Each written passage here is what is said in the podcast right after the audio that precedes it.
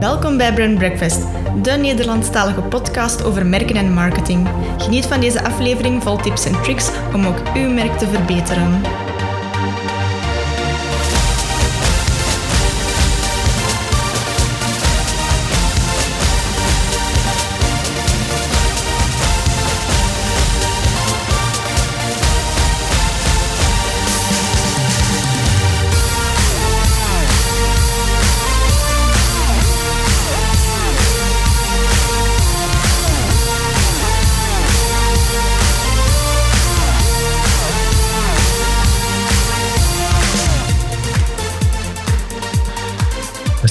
Welkom bij een uh, gloednieuwe uh, aflevering van onze Brand Breakfast podcast. En in coronatijden uh, verloopt dat allemaal online en niet hier op kantoor zoals u dat gewend bent van ons. Desalniettemin hebben we een zeer interessante gast voor jullie deze keer. Je bepaalt Roel de Kelver. Roel is uh, Head of External Communications en woordvoerder bij De Leize. Daarvoor was hij ook PR-strateeg bij Duval Guillaume, communicatieadviseur bij Groep C. En hij is dus de perfecte gast om het met ons te hebben over merkcommunicatie, public relations en crisiscommunicatie. Welkom, Roel. Well, dankjewel. Ja, uh, uh, we gaan meteen met de deur in huis vallen misschien en uh, een keer even schetsen voor onze luisteraars. Wat houdt uw job precies in? Want Head of External Communication, dat lijkt mij heel breed te zijn. Is woordvoerder daar het belangrijkste in? Of hoe moet ik dat zien?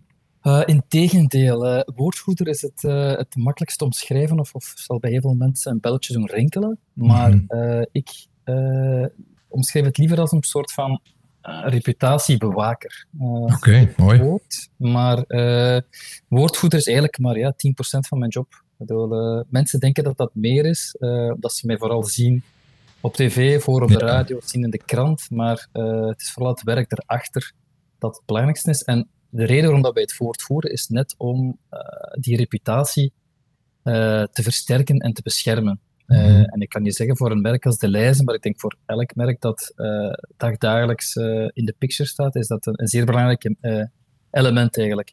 Dus de officiële titel is Head of External Communications, maar het draait eigenlijk algemeen rond reputatie. En hoe dat wij vanuit externe communicatie die reputatie van De Leize zo goed als mogelijk kunnen versterken en in tijden van crisis ook kunnen, kunnen verdedigen. Oké, en uh, wat houdt dat dan concreet in qua, qua jobinvulling? Je zegt het is maar 10% woordvoer, woordvoerderschap.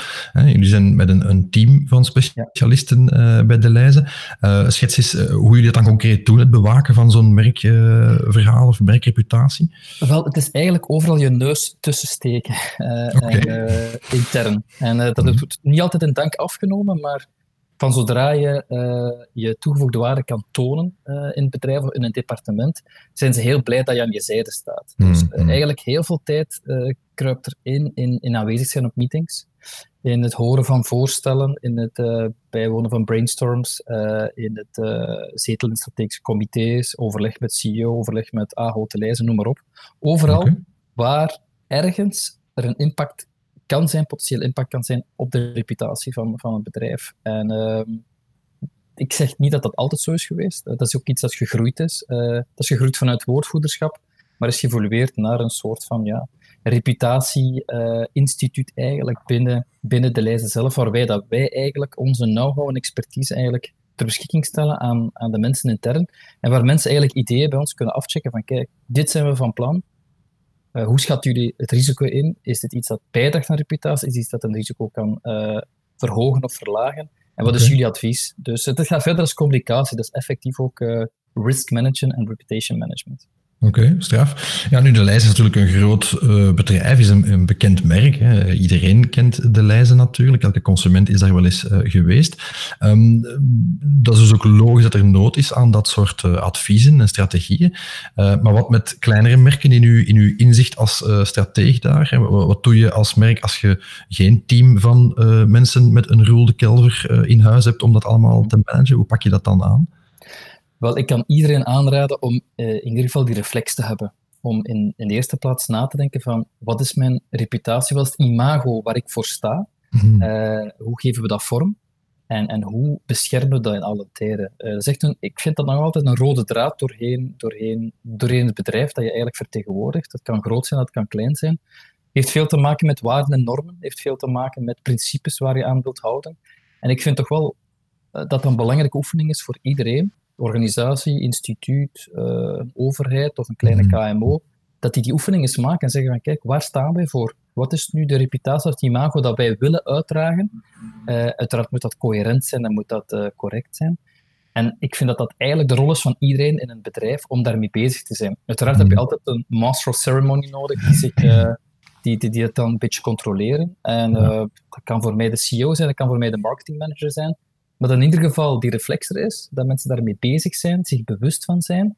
En dat dat eigenlijk meespeelt in elke beslissing uh, die, uh, die het bedrijf neemt, of elke onderneming of actie of project dat, dat een bedrijf opzet, dat er toch altijd een soort van reality check is van kijk, is het wel in lijn met onze reputatie? Klopt het verhaal? Kan dit zich niet tegen ons keren? Uh, en eigenlijk kan iedereen die rol opnemen, maar in principe zou het toch wel een, een CEO of een, of een marketingmanager uh, toch wel, lijkt me meer voor de hand om, om dat, dat, soort van mensen dat opnemen. Ja, als, als eindverantwoordelijke, maar inderdaad, wat je zegt daar rond gedeelde verantwoordelijkheid is, is geweldig belangrijk natuurlijk. Hè? Wanneer uh, ja, uh, jij je werk uitstekend doet en, een reputatie bewaakt, maar in een lokale winkel van de lijzen gaat er iets fout of ontstaat er zeg maar wat ambras met een klant over iets, iets banaal. Ja, in tijden van sociale media gaat dat heel snel uh, de ronde doen bijvoorbeeld. Hè? En elk klein foutje wordt, wordt, snel, wordt je snel op afgerekend natuurlijk. Ja, en het is ook misschien een platitude, maar heel veel mensen zeggen van ja, reputatie duurt jaren op te maar kan in één seconde uh, afgebroken worden. En dat is ook zo. En, en de, het is zo complex. En ik moet ook eerlijk toegeven, ik kan ook niet alles controleren. We zitten in een bedrijf van 32.000 medewerkers. Dat zijn eigenlijk 22.000 ambassadeurs die op elk moment eigenlijk iets kunnen in gang zetten dat afstraalt op ons merk. Je hebt ook heel veel zelfstandige ondernemers die eigenlijk ook voor hun eigen zaak werken, mhm. die ook iets kunnen posten. Ik geef u het voorbeeld over laatst van... Uh, dat was dan nog... Ja, dat kon nog licht opgenomen worden, maar het, feit dat, uh, dat er een, een, winkel een actie deed met corona en morsubiet, uh, een soort van ja, een combinatie van twee dranken in corona. Heel veel mensen hebben dat toen nog, konden daar nog mee lachen, omdat we nog in, in, een, in een pre-corona-tijdperk zaten, waar het allemaal nog niet zo dramatisch was als vandaag.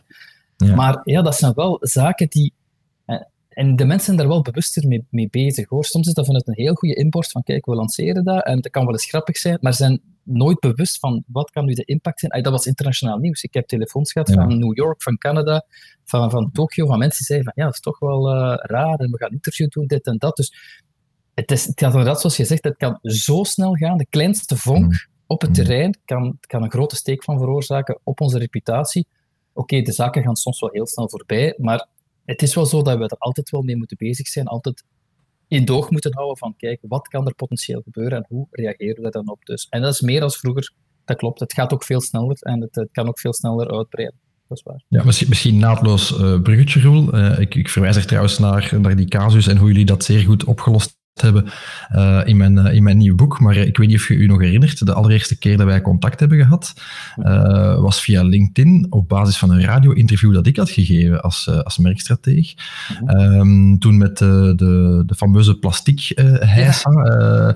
de, de, de blokjes die in, in plastieke doosjes en plastieke wrappers en wat is het allemaal, en de, dat je daar zeer, zeer snel en zeer correct op hadden, hadden ingespeeld. Uh, en dan heb je me achteraf gecontacteerd via LinkedIn, want ik heb dat gesprek gehoord en goed dat dat zo is overgekomen, ook op externe. Uh, Want ja, dat is ook een heel groot onderdeel van wat jullie doen. Hè. Dat is uh, alles wat die CSR-initiatieven en maatschappelijk verantwoord ondernemen en dergelijke meer. Ik zie ook continu op je LinkedIn dat je daar, dat je daar dingen over post. Um, ja. Wat is daar, de, is daar een bewuste strategie achter, de Lions Footprint en die initiatieven die jullie nemen en zo? Um, in, in hoeverre heeft dat een, een impact op imago? Wel, ik denk heel veel. Uh, en laat ons duidelijk zijn, dat gaat niet over imago. Uh, ik denk dat we een heel uh, authentiek bedrijf zijn. We bestaan al meer dan 150 jaar. We zijn echt mm. gebouwd op, op sterke waarden en normen en een, een duidelijke visie en een duidelijke missie. Mm. CSR is niet zomaar marketing of maakt deel uit van zo gaan we ons nu eens positioneren. De mm. zaken die wij recent hebben gelanceerd, uh, hebben maar één constant en dat is impact. Dat is echt impact en ik ben daar eigenlijk uh, heel trots op dat ik vaak die, die, die projecten of die acties kan posten op mijn LinkedIn. Mm -hmm. Maar dat is niet zo evident. Je kan wel zeggen van, ah, we gaan nu eens iets doen aan te veel plastic of we gaan eens nu iets doen. Maar je hebt dat ook gezien op de, de zaken die ik post, is wij doen effectief zaken. Wij mhm. zetten zaken in beweging en we hebben impact. En het besef dat je impact kan hebben, is volgens mij het, het, ja, het geheime recept, denk ik, van, van, van, van sustainability. Wij vertegenwoordigen nou, plus minus een vierde van de Belgische markt.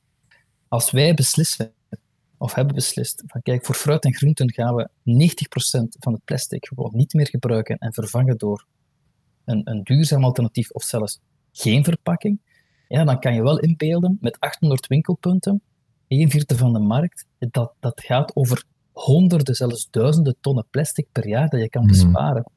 En dat is zo leuk om te zien dat je als bedrijf een impact kan hebben en dat dat ook heel tastbaar is voor die klant. Want je kan wel zeggen van, uh, je bent een heel groot bedrijf, een chemisch bedrijf, en we gaan zeggen, we gaan nu eens uh, die chemische stof verminderen qua uitstoot, of uh, die CO2-uitstoot gaan we ook verminderen in de komende jaren. Dat is ook heel goed, hè? iedereen moet zijn steentje bijdragen, maar dat is niet zo echt tastbaar voor de mensen. Mensen hmm. zien dat niet. Maar als je in een winkel komt en je ziet dat vanaf nu de appels niet meer in plastic zijn verpakt, maar in een kartonnen tray, dat lijkt heel banaal, maar het is een enorme besparing van plastic. Hmm. Ja, dan kan je elke dag die klant overtuigen en hen die boodschap meegeven van kijk, wij doen een inspanning, dit, dit heeft heel veel impact, en u kan ook een inspanning doen. U kan ook zelf uw zak meebrengen. U kan ook uh, uh, meer appels in wrak kopen in plaats van verpakt. Dus je ziet dat je heel veel impact kan hebben en, en ook een soort van ja, een kettingreactie kan veroorzaken. En vandaar dat, het ook zo, dat we dat ook zo serieus opnemen. Dat is zoals je zegt, de Lions Footprint, dat we dat hebben gelanceerd. Een heel ambitieus plan, waarbij dat we CO2-neutraal uh, willen worden binnen twee jaar. Dat we uh, zoveel mogelijk plastic willen vermijden en zoveel mogelijk uh, voedselverspilling willen vermijden. Mhm. En dat zijn heel ambitieuze doelstellingen. En ik moet eerlijk toegeven, uh, want het is onze CEO, Xavier Pivot, die daar echt achter heeft gezet. Dat is echt de drijvende kracht achter het project. Toen hij dat formuleerde, ik, ik zeg niet dat ik bedenking had, maar ik, ik, ik zei het wel tegen hem van, kijk, dit is zo heel ambitieus. Dit is niet 2030 of 2040, nee, nee, dit is 2021. Dat is ja, letterlijk volgend jaar. Hè? Ja. En het is ongelooflijk om te zien intern hoeveel positieve energie dat bij de mensen heeft veroorzaakt. Het is echt, eh, als ik zie naar de, de, de, de, de filière managers en de mensen die dan de verschillende categorieën van groenten, fruit, uh, koekjes uh, beheren, de drive en de energie en de idee waarmee dat zij komen, is ongelooflijk. En waarom dat ik dat post op LinkedIn, waarom dat zij dat ook posten, waarom we daar heel veel rond doen, is omdat wij daar terecht trots op zijn. En dat we dat heel leuk vinden, dat we daar een pioniersrol in spelen en dat we daar andere mensen willen inspireren. Dat dat ons goed uitkomt qua merk en qua imago, oké, maar dat is nooit de doelstelling geweest. Want ik zie vaak bij andere bedrijven dat er inderdaad wel sprake is van greenwashing of green marketing, dat ze zaken lanceren. En als je dan want ik weet, de media zijn ook niet allemaal specialisten en kunnen ook niet alles detecteren, analyseren en zeggen, ah, dit heeft deze impact en dit heeft deze impact. Maar als ik zie dan hoe laag soms de impact is, maar dat ze wel hetzelfde concept claimen, ja. dan vind ik dat soms toch wel een beetje spijtig. Allee, je kan zeggen, we gaan nu enkel maar de appelen in, in, in papier verpakken, dat is allemaal goed, maar er is nog een heel ander assortiment daarnaast waar dan niks mee gebeurt. En dan heb ik dan zoiets van, het gaat over impact, het verschil maken. En ik denk dat we daar letterlijk ook het verschil in maken en dat we daar ook ja, terecht trots op mogen zijn. En onze medewerkers zijn er ook trots op. Het is een enorme driver op dit moment en we gaan daar alleen maar in, in verder gaan. Zeg, wat, ik, wat ik u eigenlijk hoor zeggen, Roel, is dat we moeten altijd vertrekken vanuit een authentieke brand purpose. Hè? Uh, dat is ergens evident. Ik, ik, ik, hoor ook heel duidelijk dat je daar uh, dat, dat gevoelig ligt, of dat je daar uh, inderdaad heel, heel, heel, actief op, op hamert. terecht trouwens, hè. ik kan het alleen maar aanraden aan anderen ook. Maar natuurlijk, ja, je verwijst al naar, naar greenwashing, je hebt, je hebt de whitewashing, de rainbowwashing en zo verder ja, het, is natuurlijk een fenomeen. Hè. Hoe vermijd je dat? Want dat, is dat niet ergens een dunne lijn bij momenten ook? Dat, het, dat het meer een, een, een, ik kan niet zeggen een platvloerse commercie is, maar inderdaad, je ziet dat toch bij bedrijven, dat ze op ecologie inspelen, uh, maar dan eigenlijk achter de schermen stelt het helemaal niet zoveel voor. Uh, er blijven toch geregeld schandalen en verhalen opduiken, ook van grote en gereputeerde merken. Hoe zorg je dat die brand purpose bij iedereen dan dermate doorgedrongen is? Want ik hoor je ook zeggen, ja, dat is een stuk uw klanten opvoeden ook, of, of, of mentaliteit proberen te wijzigen. Dat is toch een hele uitdaging? Dat is inderdaad een hele uitdaging. Ik zou in de eerste plaats adviseren, choose your battles. Je kan niet mhm. alles veranderen. En dat is, dat is ook wat wij ook altijd meegeven in onze communicatie, van kijk, één, we geven toe, wij zijn een grote bron van bepaalde negatieve zaken. Of inderdaad, wij als retailer zorgen ervoor dat er inderdaad veel plastic is. Wij gaan er iets aan doen. Hm. We hebben al veel gedaan, we gaan nog meer doen. We hebben nog heel veel werk, maar we doen er alles aan om stap per stap te komen naar een, een proper wereld, om een wereld zonder uh, verpakkingsafval, zonder uh, voedselverspilling. En ik denk gewoon, als je dat eerlijk aangeeft, je moet niks beloven dat je niet kan waarmaken. Want je kan heel snel gepakt worden op iets dat je niet doet. Maar als je heel humble bent, heel nederig bent en zegt van kijk, je, je fout zogezegd erkennen of je verantwoordelijkheid erkennen en echt zegt van kijk, dit zijn de stappen die we gaan ondernemen, we gaan dat stap per stap doen en we gaan dat samen met u doen, dan gaat die boodschap veel geloofwaardiger overkomen als je gaat zeggen van kijk, we gaan het nu allemaal eens veranderen. Mhm. Ik vind gewoon dat je daar heel... Ja, en ook stick to the plan. Je, moet gewoon aangeven wat je gaat doen en je moet dat waarmaken. Uh, en dat kan misschien iets heel klein zijn, hè? maar als je dat tenminste doet, dan vind ik dat je al goed bezig bent. Maar je moet niks beloven dat je niet kan waarmaken. Of dat je op gepakt kan worden, dat je zegt van, we hebben dat nu gedaan, maar eigenlijk achter jou zit er nog een heel contingent van zaken dat je, dat je nog niet doet, of dat je een beetje verdoezelt. Ja, dat vind ik niet correct. Je moet gewoon transparant zijn en zeggen waar de fout zit, of waar de verantwoordelijkheid ligt, en hoe je daar inderdaad in de toekomst, uh, in de toekomst mee verder gaat. Wat dat, dat het moeilijke is, dat geef ik eerlijk toe. En ik ben de eerste ook om te zeggen, van alles wat er ondernomen wordt, hoe klein het ook is, is goed. Want het, het, zoals je zegt, het, het, geeft een, een soort, het creëert een soort van bewustwording ook bij je klant. Hmm. Maar je moet wel duidelijk zijn dat het iets oplevert, dat het inderdaad die impact heeft, hoe klein het ook is, maar je moet duidelijk definiëren, duidelijk afbakenen en een soort van stappenplan inbouwen om dat perspectief ook te tonen aan mensen. Want je kan, eh, zoals Rome wasn't built in one day, de wereld gaat ook niet groener uitzien op één dag of twee dagen. Dat is een, eh, dat is een soort van evolutie die je, die je, moet, die je moet waarmaken. Dus ja, wie ben ik om, om, om bedrijven te veroordelen, te zeggen die doen aan greenwashing? Maar ik vind wel dat impact er eentje moet zijn en dat je alles aan moet doen om die impact die je zelf hebt zo klein mogelijk te houden. En dat het, het marketinggedeelte, het reputatiegedeelte eerder op de tweede plaats komt. Want hoe beter je dat doet, hoe makkelijker dat, dat die reputatie, dat reputatievoordeel ook daarna gaat komen. Dus dat is iets wat dat vanzelf gaat komen. Dat moet je niet ja. dat gaat sowieso zelf komen. Ik ging net zeggen, in principe is dat een logisch gevolg van, van de inspanningen die je doet. Hè. Als mensen dat uh, aan de lijve ondervinden en zelf die impact mee kunnen genereren, ja, dat is heel erg sterk als, als uh, systematiek uh, voor je brand purpose. Um, misschien gekoppeld daaraan, want hè, we zijn al bezig over ja, de impact in de toekomst uh, op, op retail en, en dat die toch wel purpose-driven is bijvoorbeeld. Hoe zie je de toekomst van supermarkten of retail in het algemeen? Hè? We zijn toch op, op allerhande kantelpunten, nu acuut of, of, of, of uh, actueel met corona, maar los daarvan toch ook, uh, toch ook andere dingen. Hoe, hoe, zie jij een supermarkt evolueren of de lijstjes evolueren in de toekomst? Goh, ik denk, uh, zoals jij zegt, we zitten echt op een kantelmoment. Het heeft niet alleen te maken met corona, het heeft ook te maken hmm. met die, de manier hoe dat een klant en een supermarkt eigenlijk elkaar ontmoeten doorheen het leven. Vroeger was je eigenlijk als supermarktketen uh, de actor die heel veel zaken naar de klant duwde. Die zei van, kijk, hè, we hebben hier nieuwe zaken, we gaan dat aan u voorstellen. We hebben een nieuwe service, we gaan dat aan u voorstellen. Dus een, eerder een soort van push gegeven, waar je nu meer een pool gegeven hebt. Het is de klant eigenlijk die bepaalt wat een supermarkt voor hem moet doen. Hij bepaalt meer en meer welk product in de winkel komen te liggen. Hij bepaalt meer en meer waar een supermarkt zich aan moet houden. Uh, en dat is niet dat, dat, dat wij ons onder druk voelen gezet op dit moment, maar wij horen die klant veel beter als vroeger. Wij gaan meer in dialoog met die klant. Uh, het is die klant ook die ook veel meer tools tegenwoordig heeft om die boodschap aan ons over te brengen. Hè. Vroeger kon je dat zien in ja, in de, in de salescijfers uh, of in een gele briefkaart, bij wijze van spreken. Uh, en nu ja, zijn er verschillende middelen. Hè. Mensen maken filmpjes, uh, zetten iets op Twitter of op YouTube, op Facebook, of sturen een mail, of, of ze starten een actie op, wat dan ook. de communicatie, de mondigheid van de klant is veel hoger geworden. En het is aan ons om daar de juiste boodschappen uit te filteren en ons beleid op aan te passen en zelfs ook eh, te reageren op voorhand en, en, en, zaken al in gang zetten voordat de klant of de grote massa er eigenlijk al mee komt. En over wat gaat dat dan bijvoorbeeld, zodat ik onderbreek? Dingen zoals uh, ik mis dat of dat product bijvoorbeeld, of, of, of uh, ik vind dat er te veel plastic rond mijn fruit zit? Ja. Of, ja, dus okay. Maar dat, dat, zijn verschillende zaken en, en, en, het is heel moeilijk om het te zeggen, maar dat is nu het thema. Ik, ik vegan bijvoorbeeld, of, of, of okay, ja. diervriendelijkheid bijvoorbeeld, of zelfs respect voor oudere mensen, of uh, uh, diversiteit van producten of van medewerkers, okay. wat dan ook. Hmm. Er zijn heel veel thema's die tegenwoordig circuleren. Sommige zijn iets prominenter aanwezig als andere. Het gaat ook veel sneller uiteraard. Iets kan actueel zijn vandaag en morgen terug naar de achtergrond verwezen worden. Hmm. Maar het is aan de retailer, vind ik, om echt te capteren van wat leeft er nu bij die klant, wat is er belangrijk bij die klant, en niet de arrogantie hebben van wij gaan het hier nu weten. Nee, eigenlijk is het de klant die mee bepaalt, de klant eigenlijk, de maatschappij, elk individu apart, die mee kan bepalen van waar moet een retailer nu een antwoord op bieden. En een retailer is eigenlijk ook volgens mij een reflectie van wat er leeft in de maatschappij. En wij moeten niet achter de feiten aanlopen, wij moeten eerder echt inspelen op bepaalde zaken, trends die aan het opkomen zijn, waar dat wij echt moeten zeggen van oké, ja, daar gaan we nu een speerpunt van maken. Verpakking is volgens voor mij echt zoiets. Hè.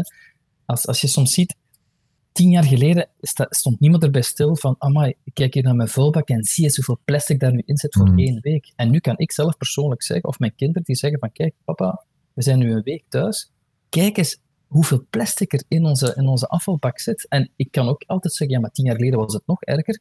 Maar je ziet dat dat een voortschrijdend inzicht is, ja. dat de druk en de, de vraag en de wens van heel veel klanten om minder verpakkingsafval te hebben, dat die echt urgent is en dat je die boodschap als retailer echt moet begrijpen. En je kan je altijd verbergen, ja, maar verpakking is belangrijk, omhoudbaarheid. Maar op een bepaald moment moet je gewoon, kijk hè, wat de zaken die nu gebeuren eh, in een supermarktomgeving, die zijn, dat, is, een revolutie. Maar heel veel, heel veel tijd is gezegd, dus, ja, maar een komkommer uit Spanje, dat is onmogelijk, je moet die verpakken, want anders komt dat als komkommermoes aan in België, want die komt van Spanje buiten het seizoen. Wel, hmm. kijk, ik kan u nu zeggen dat de komkommers uit Spanje in bulk zonder plastic in België aankomen. Dus je ziet dat dat nu wel mogelijk is. Dus je voelt dat die druk maakt toch wel dingen mogelijk. En er, zijn, er gaan nog zoveel andere zaken gebeuren. En daarom ben ik ook wel blij dat die evolutie er is gekomen, dat het ons eigenlijk verplicht om nog harder te zoeken naar oplossingen. En dat die oplossingen wel degelijk aanwezig zijn. En dat het dankzij ja, de publieke opinie is dat er nu echt heel veel zaken veranderen en dat dat momentum ook moet gegrepen worden door iedereen om zaken in gang te zetten. Oké, okay. geldt dat ook voor de, de customer journey? Alex, als het om voorbeeld geven, er is toch veel te doen om die, die Amazon Go uh, als concept bijvoorbeeld, hè, waar je mhm. ja, gewoon binnenwandelt, buitenwandelt, zonder betalen, zonder kassas, zonder scannen en weet ik veel wat allemaal.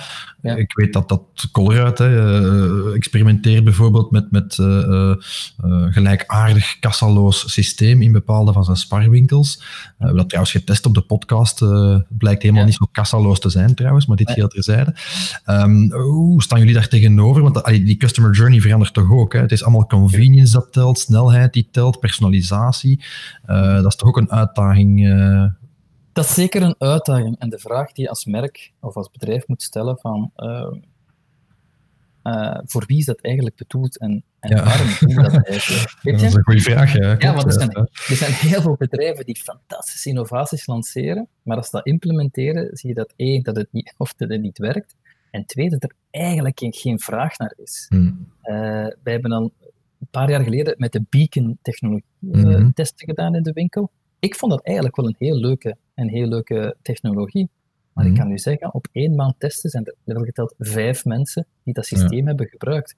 Dus de vraag is, customer journey, ja, willen wij het leven van de mensen gemakkelijker maken? Ja, daar draait het vaak wel om.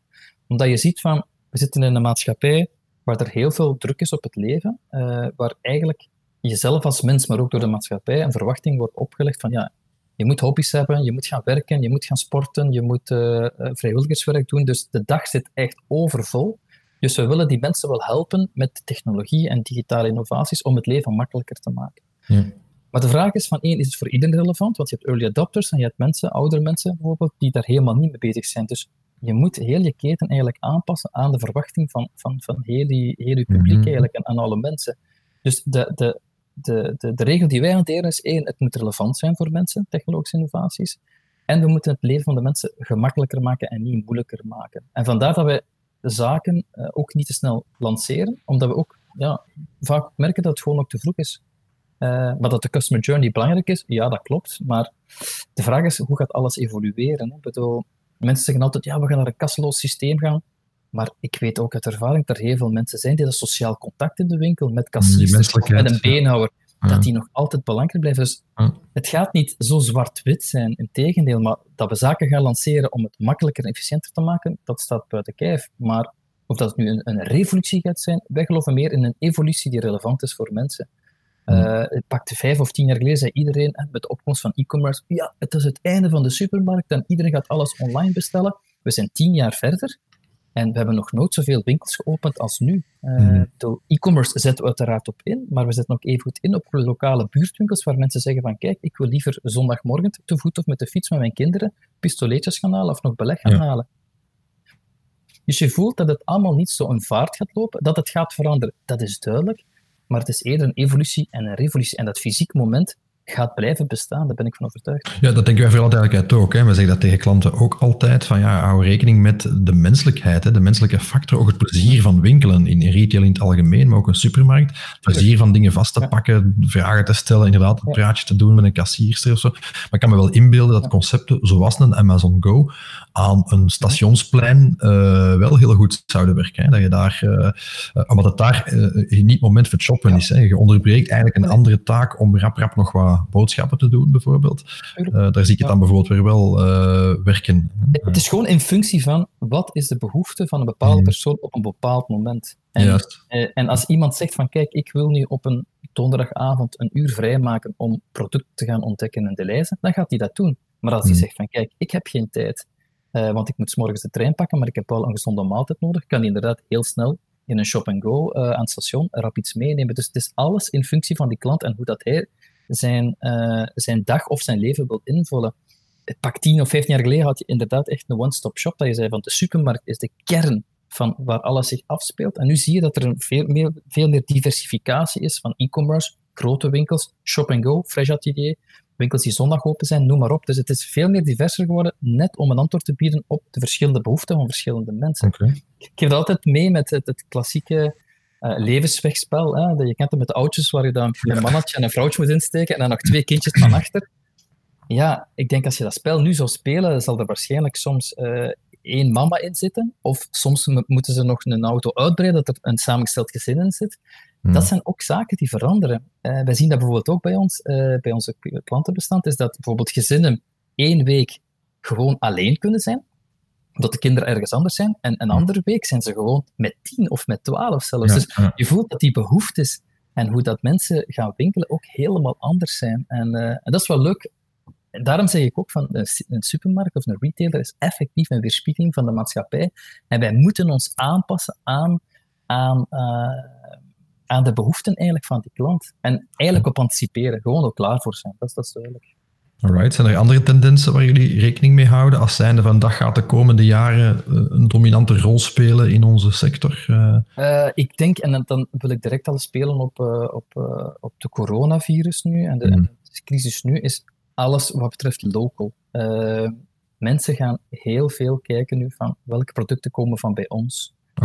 Okay. En dat is heel snel gegaan. Hè? Ik bedoel, pak vier, vijf, zes weken geleden waren wij hier het gezin nog aan, aan het plannen om naar Costa Rica te gaan. Ja en nu gaan we naar de zee gaan dit jaar, bij wijze van spreken. Dus je voelt ook, dat is de, de wereld uh, zat bij wijze van spreken in onze, in onze smartphone vijf weken mhm. geleden. En nu is de wereld maar zo groot als België of maar zo groot als, als je stad eigenlijk, bij wijze van Als uw kot, als uw kot in veel gevallen. Nu is het nog heel klein inderdaad. Ik hoop dat dat iets groter gaat worden. Maar dat is iets wat local echt heel belangrijk gaat zijn. Hè. We gaan er echt op moeten inzetten ook, ook voor de Belgische economie ook uh, een steuntje in de rug te geven. Maar lokale leveranciers, lokale boeren, noem maar op. Dat is echt iets wat wij denken de volgende weken, maanden en jaren gaat zo belangrijk zijn, ook eh, voor onze economie, maar ook voor het gevoel van de mensen, van, dat ze weten dat het van hier komt, dat het goed gecontroleerd is, dat het uh, veilig is.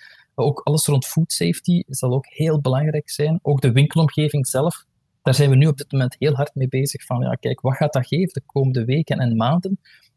Welke maatregelen moeten wij nemen en wat verwacht de klant van ons om hem een veilige winkelomgeving aan te bieden. Dat is ook iets helemaal nieuws. Gaan we met technologische innovaties komen om te zeggen van kijk, het is best dat u tussen drie en vier uur komt winkelen, want dan is er minder volk in elke winkel. Dus daar zijn we nu echt wel expliciet mee bezig en dat weten we ook dat heel belangrijk is. En alles rond digitalisering. Hè. Mhm. Wij zijn nu ook aan het uh, skypen of aan het uh, virtuele uh, aan het vergaderen. Dat zijn we bij de lijzen ook al aan het doen sinds enkele weken. Uh, e-commerce is booming bij ons. Wij, wij, ontvangen twintig keer meer aanvragen dan in een vergelijkbare periode vorig hmm. jaar. Er zijn ook zaken waar we, op, ja, waar we niet op hebben kunnen anticiperen, want niemand wist dat het zo hard ging gaan. Nee, maar nu zitten, we wel, nu zitten we wel op de grens, op de capaciteitsproblemen uh, die, die we nu hebben. Want ja, je kan niet een keer upscalen en zeggen we gaan nu een keer uh, virtueel 100.000 klanten bedienen in plaats van 10.000 klanten. Dat hmm. gaat niet zomaar, want je moet heel die supply chain daar rond helemaal gaan opbouwen. Dus dat gaan ook de grote uitdagingen zijn. Digitalisering, e-commerce, local. En dan uiteraard alles rond health en, uh, en safety. Iets, uh, dat zijn de drie grote prioriteiten voor de lijst. En ik denk ook voor heel veel retailers, uh, ieder retailers in België. Zeg, het grote woord is gevallen natuurlijk. Hè. De, de, olifant in de kamer overal tegenwoordig, corona. Ja. ja uw job houdt ook een heel stuk crisiscommunicatie in. -huh. Is daar op momenten als deze een gouden formule voor, denk je, voor een merk? Ik denk dat je daar twee elementen in kunt onderscheiden. Eén, uh, de crisiscommunicatie aan zich. En ik denk dat die periodes hebben nu uh, een beetje aan het, uh, aan het uitstappen. het zijn vier of vijf weken echt zeer hectische weken geweest. Hmm. Ik heb al veel hectische momenten gehad bij de lijst. Ik ben ondertussen nu tien jaar. We hebben herstructureringen gehad, we hebben afpersingszaken gehad, we hebben overvallen gehad. We hebben alles gehad. En dan denk je, op een bepaald moment, nu heb ik het wel gehad. En ja. komt dit op je bord. Helaas. Dit is echt uh, ja, de perfect storm bijna ja, uh, ja, qua crisiscommunicatie. Dit heeft, zeker voor retail, de, als je als enige keten je deuren mag openhouden, als je als enige keten eigenlijk een cruciale rol kan, mag en moet spelen in dit soort van tijden, uh, ja, is dat echt iets wat, wat u... Ja, dat is, ik, heb er bijna geen woorden voor. Uh, het is zeer hectisch geweest. Maar we zijn wel blij dat we erdoor zijn geraakt. Hmm. Uh, het begint zich nu wat te normaliseren. Maar om je vraag terug te komen qua crisiscommunicatie. Uiteraard hebben we protocollen en procedures. Uiteraard hebben we heel veel expertise en ervaring. Maar dit soort van zaken kan je nooit voorbereid zijn. Ik kan me niet inbeelden dat dat een in, in een crisis manual van, van een, een van de retailers uh, in België heeft gestaan. Dat kan ik mij niet inbeelden. Uh, en daarom... voor een pandemie, uh, hoe ga je daarmee om? Ja, inderdaad. Ik denk dat heel veel mensen dat nu wel gaan doen.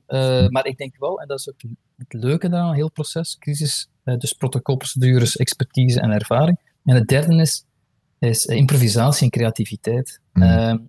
en ik denk dat dat wel ervoor heeft gezorgd dat, uh, dat er ook heel veel mogelijk is op dit moment. Dat je echt wel als crisisteam bij ons, dat we daar echt wel dagdagelijks mee aan het denken zijn van hoe kunnen we het, het leven zo normaal mogelijk maken voor onze klanten, via welke maatregelen, hoe kunnen we die gezondheid uh, garanderen, ook met onze leveranciers, noem maar op. En denk daar improvisatie en creativiteit en heel snel kunnen schakelen en goed op elkaar kunnen inspelen, is volgens mij eigenlijk uh, het belangrijkste puzzelstukje in het, in het aanpakken van, van een crisis. En wat ik ook kan en, en mag opmerken is de manier hoe dat beslissingen nu heel snel erdoor geduwd kunnen worden en dat communicatie mm. en reputatie daar heel snel uh, een belangrijke rol in kan spelen, vind ik wel heel leuk.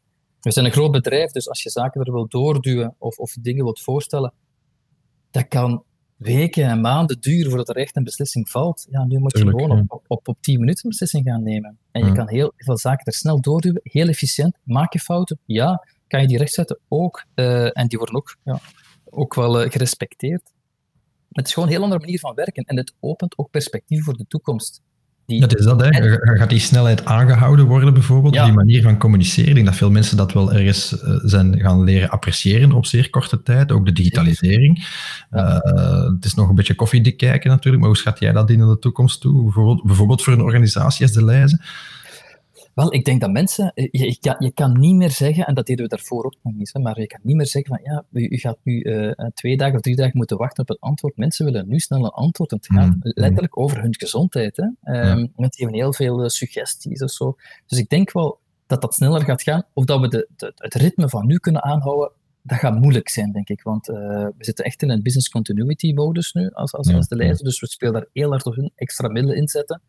Maar dat de urgentie en de nood aan dit soort van communicatie nog meer dan ooit duidelijk is voor, voor de directie, ja, dat staat buiten kijf sowieso. En het is ook wel aangenaam en makkelijk om te werken. Hè. Het is het agile model, waar we ook sowieso naartoe zullen moeten gaan, hè. meer en meer, omdat uh, je voelt dat er ook heel veel uh, evoluties zijn die meer dan ooit sneller op ons afkomen. En dan moet je gewoon als bedrijf ook uh, sneller kunnen reageren. En dit soort van crisissen is voor mij het perfecte voorbeeld dat je kan geven aan de directie van kijk, het kan ook op een andere manier. Ik zeg niet dat het mhm. zo zal moeten gebeuren, maar je ziet dat de esprit, dat de, de passie en energie in dit soort van samenwerking veel groter is als in de traditionele projectstructuur, waar alles is moet afgecheckt worden en budgetcontrole, dit en dat, ja, dan, dan vraag je erom dat, dat, dat zaken vertraging oplopen en dat je eigenlijk achter de feiten aanhoudt. En nu kan je dat niet meer doen. Nu moet je er gewoon staan en dat denk ik wel dat, uh, een van de interessantste learnings is voor een bedrijf als de en voor heel veel bedrijven uh, naar de toekomst toe. Dat het op een andere manier kan en dat het even productief en even efficiënt is.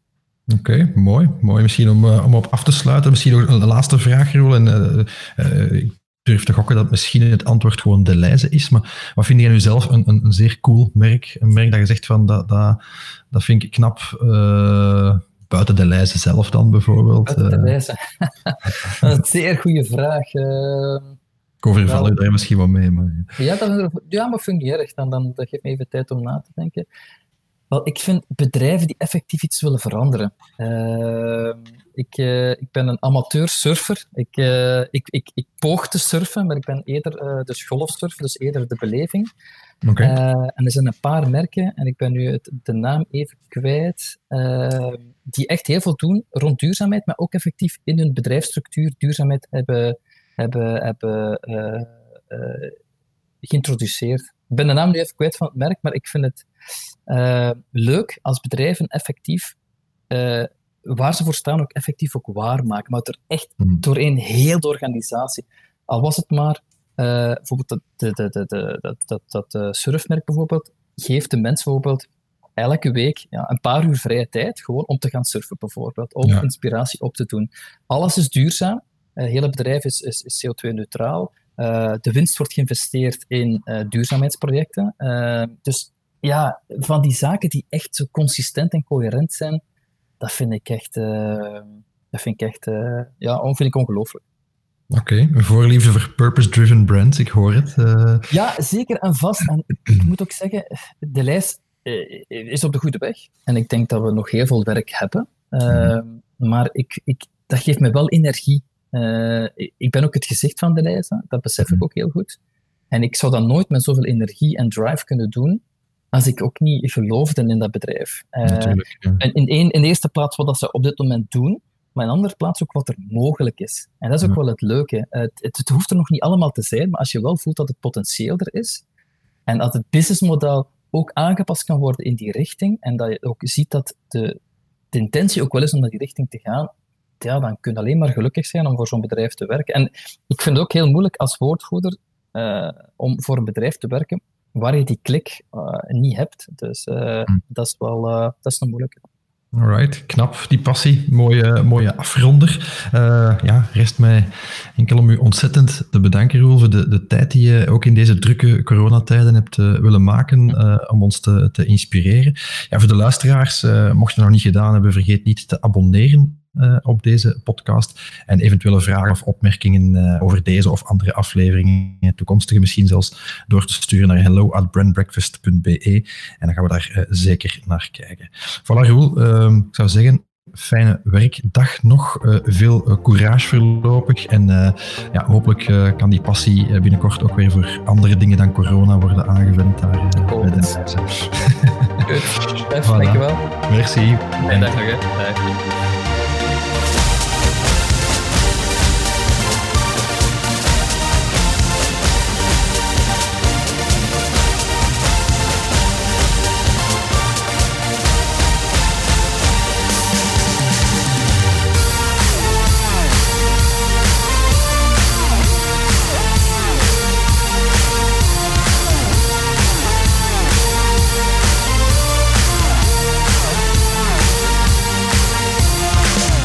Brand Breakfast voor deze aflevering. Dank voor het luisteren. Vragen over uw eigen merk? Surf naar pavlov.be en start vandaag nog met het optimaliseren van uw merkstrategie, merkidentiteit of merkbeleving.